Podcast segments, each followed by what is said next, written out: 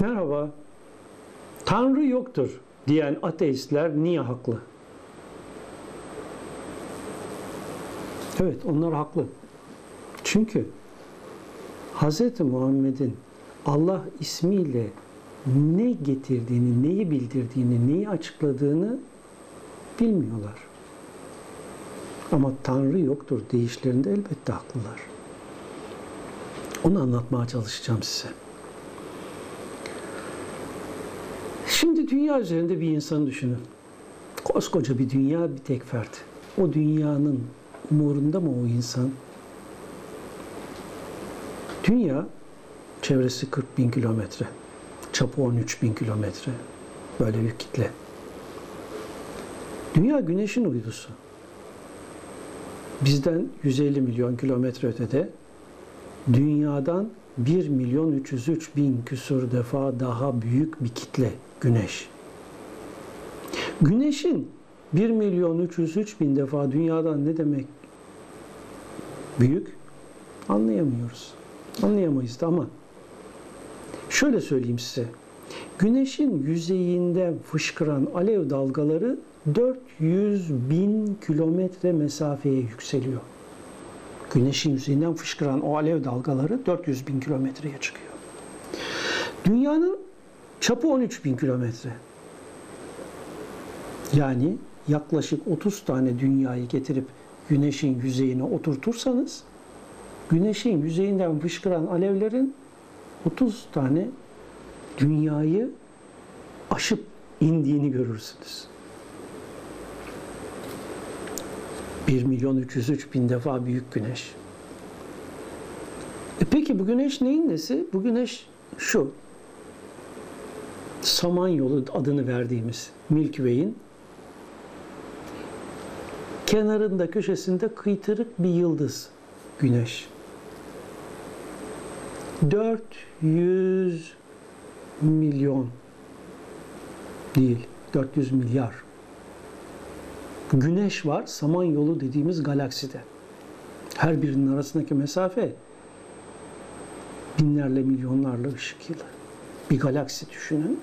Onun kıytırık bir köşesinde merkezden 32 bin kilometre mesafede bir yerde bir güneş var. Onun bir uydusu dünya. Daha gidin.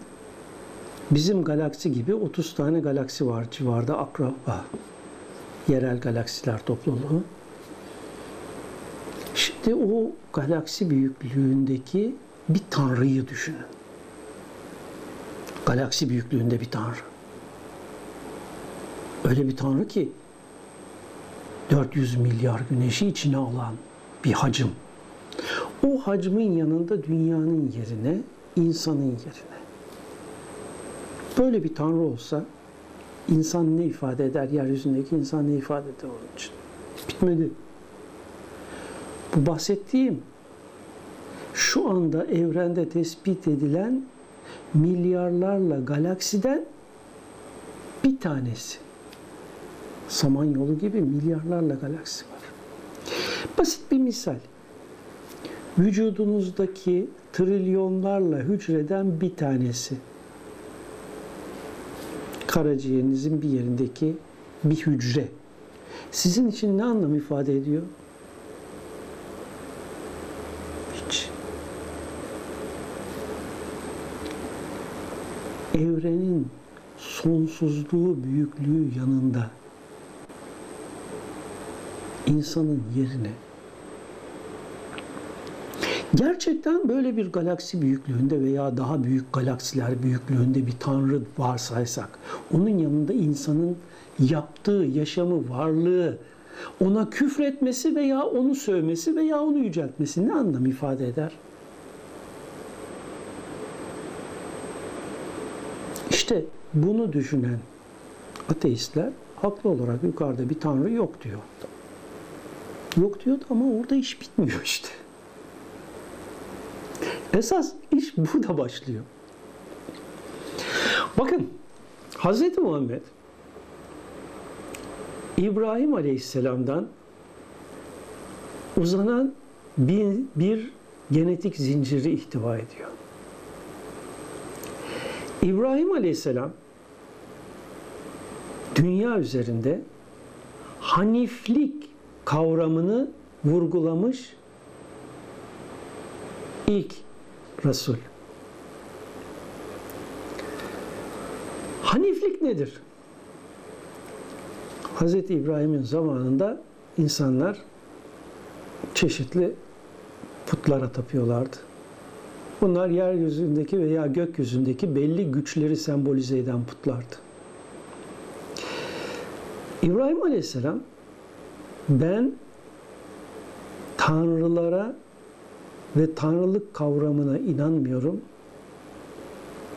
Hanifim demişti. İbrahim Aleyhisselam Hanif olduğunu vurguluyordu. Hanif demek Tanrı ve Tanrılık kavramını kabul etmeyen demektir. Ve şöyle diyor. İnni veccehtu vecihillezi fatras semavat vel ard hanifen müslimen ve maine minel müşrik. Ben şirk koşanlardan değilim. Yerleri ve gökleri her şeyi var eden o kuvveye veçhimi döndüm. Bilincimle bütün bu varlığı var eden o kuvveyi kabul ediyorum. Yukarıda ötede bir tanrı kabul etmiyorum. İşte İbrahim Aleyhisselam'dan gelen bu haniflik kavramı Kur'an'da da açığa çıktı. Daha doğrusu Allah Resulü Muhammed Mustafa Aleyhisselam tarafından dünya üzerinde kelime-i tevhid olarak ilk defa dillendirildi.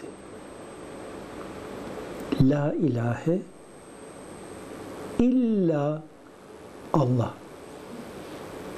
Tanrılar ve tanrılık kavramı yoktur. Tanrılar dolayısıyla tanrılar olmayınca tanrılık kavramı da olmaz. Yoktur. Sadece Allah vardır. Şimdi burada önemli olan birinci bölüm ve ikinci bölüm. Birinci bölüm La ilahe diyor. Tanrı ve tanrılık kavramı yoktur. Burada size bir noktayı Hz. Muhammed'in açıkladığı Allah dillerde dolaşan insanların genelde tanrılarını etiketlediği ismi Allah olan varlığı değil, Hz. Muhammed'in niye anlatmak istediğini anlatacağım. La ilahe illallah uyarısını halkın anladığı Arapçanın sıradan kurallarıyla yorumlamak çok büyük yanılgıya yol açar. Şöyle ki, La rejülün illa Ali dendiği zaman bu ifade dilimize Ali'den başka er kişi yoktur. Ya da Ali gibi er kişi yoktur. Veya er kişi olarak Ali gibisi yoktur. Tarzlarında çevrilebilir. Oysa illa kelimesi Allah kelimesiyle yan yana kullanıldığı zaman bu asla Allah gibi bir tanrı yoktur şeklinde anlaşılmaz. Yani başka bir tanrı, ilah vardır ama o Allah değildir şeklinde yorumlanamaz. Çünkü Allah isminin işaret ettiği anlam böyle bir yaklaşımı temelden reddeder. Ayrıca bir de şu hususu iyi anlamak lazım. Kâne, idi, eki nasıl Allah isminin işaret ettiği anlam yanında genel kullanım manasını yitirir, geniş zamana dönüşür ise aynı şekilde illa kelimesi de Allah ismiyle yan yana gelince genel kullanım alanı dışına taşıp sadece kavramıyla anlaşılır. Önce kâne sözcüğüne bir misal verelim. Kâne Allahu gafurur rahima dendiği zaman bunun nasıl Allah gafur ve rahim idi bir zamanlar diye çeviremezsek aynı şekilde Allah isminin işaret ettiği özellikler de geçmiş zamanla kayıtlanmaktan beridir. Aynı şekilde illa Allah dendiği zaman da illa kelimesi asla başka ya da gibi anlamlarına anlaşılmayıp sadece anlamına idrak ve kabul edilmesi zorunludur. Zira Allah isminin bize işaret ettiği varlığın özellikleri ki bu özellikler Kur'an'da bildiriliyor. Kendi dışında mevcut bir başka varlık kabul etmediği gibi varlığı yanı sıra başka bir vücut sahibinden söz etmeyi de hiç kabul etmez. İşte bu sebepledir ki gerek illa gerek kane ve gerekse de bu türden zaman ve vücut ifade eden kavramları Allah ismiyle yan yana gördüğümüzde bunları genel kullanımda anladığımız manada değil, Allah isminin işaret ettiği kavrama uygun bir anlamda anlamak mecburiyetindeyiz. Şimdi bunu böylece belirttikten sonra gelelim işin önemli püf noktasına. İşin püf noktası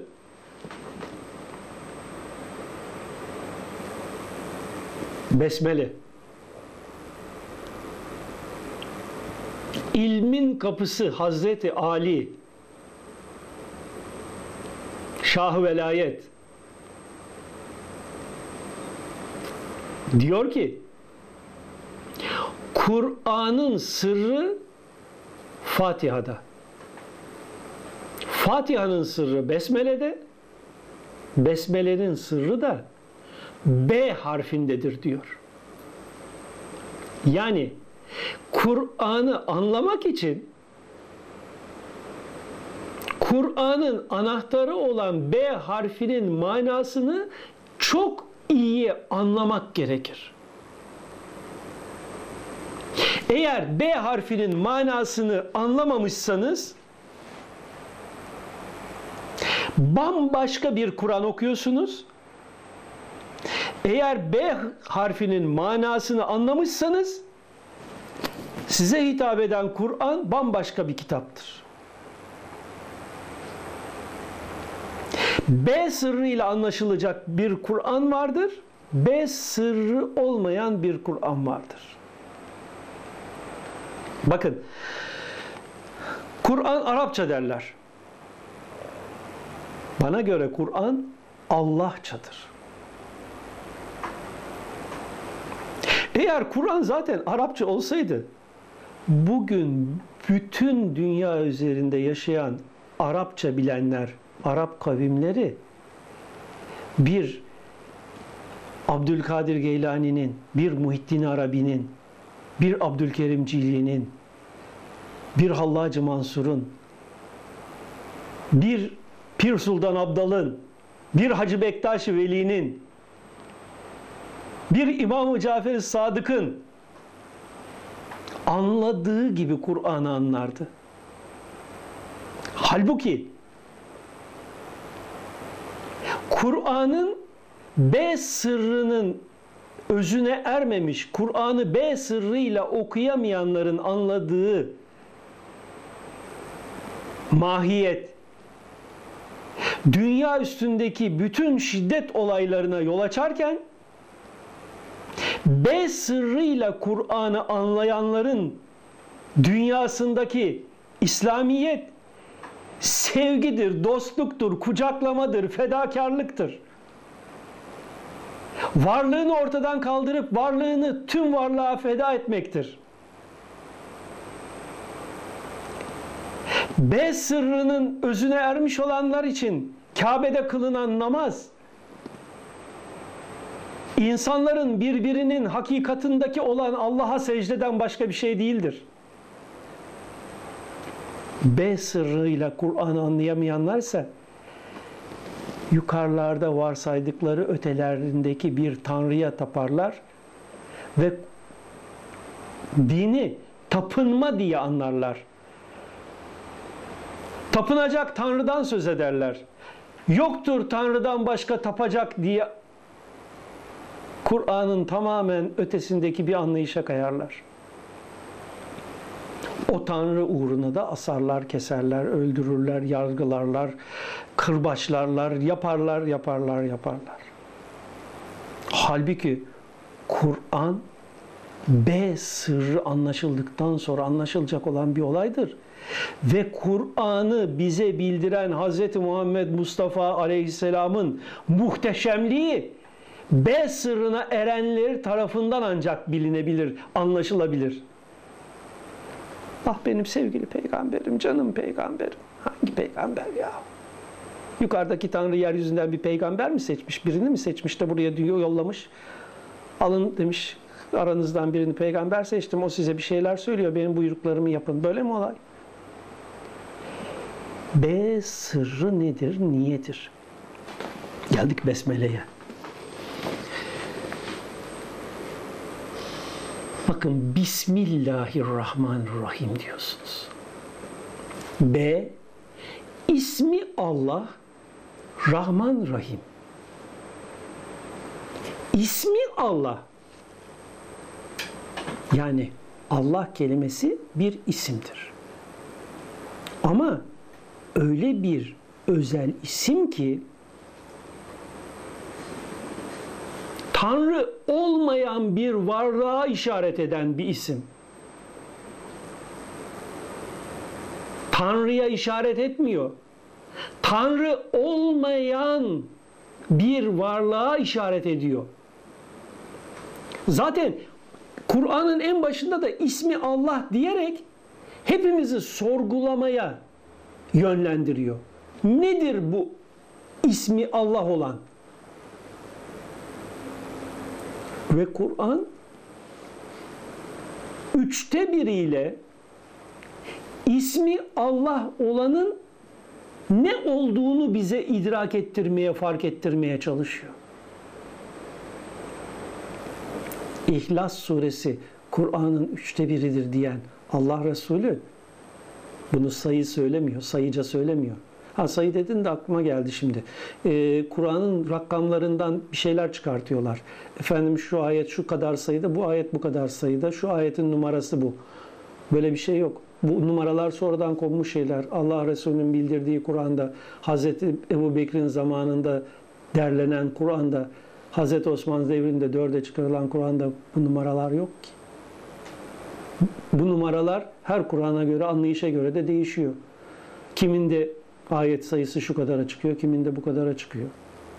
Bu rakamlar sonradan konmadır. Bunlardan bir şey çıkmaz ortaya. Ama başka bir yerden bir şey çıkaranlar olabilir. Ona da bir diyeceğim yok. Neyse.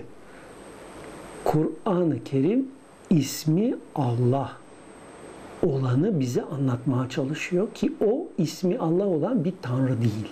Peki ne? İşte bütün hakikata ermiş Evliyaullah'ın dayandığı gerçek ismi Allah olanın ne olduğunu anlamaları temeline dayanıyor. Siz ismi Allah olanın ne olduğunu anladığınız anda özünüzden Allah'a açılan kapıyı bulmuş ve oradan içeri girmiş olacaksınız. Allah'ın isimlerinin işaret ettiği bütün o güzel manaları ve kuvveleri kendi özünüzde bulasınız diye size bunlar bildirilmiş. İsmi Allah olanı anlamak ve B sırrının anlamı. İsterseniz yarın da buna devam edelim. Bugünlük de bu kadar. Hoşçakalın efendim.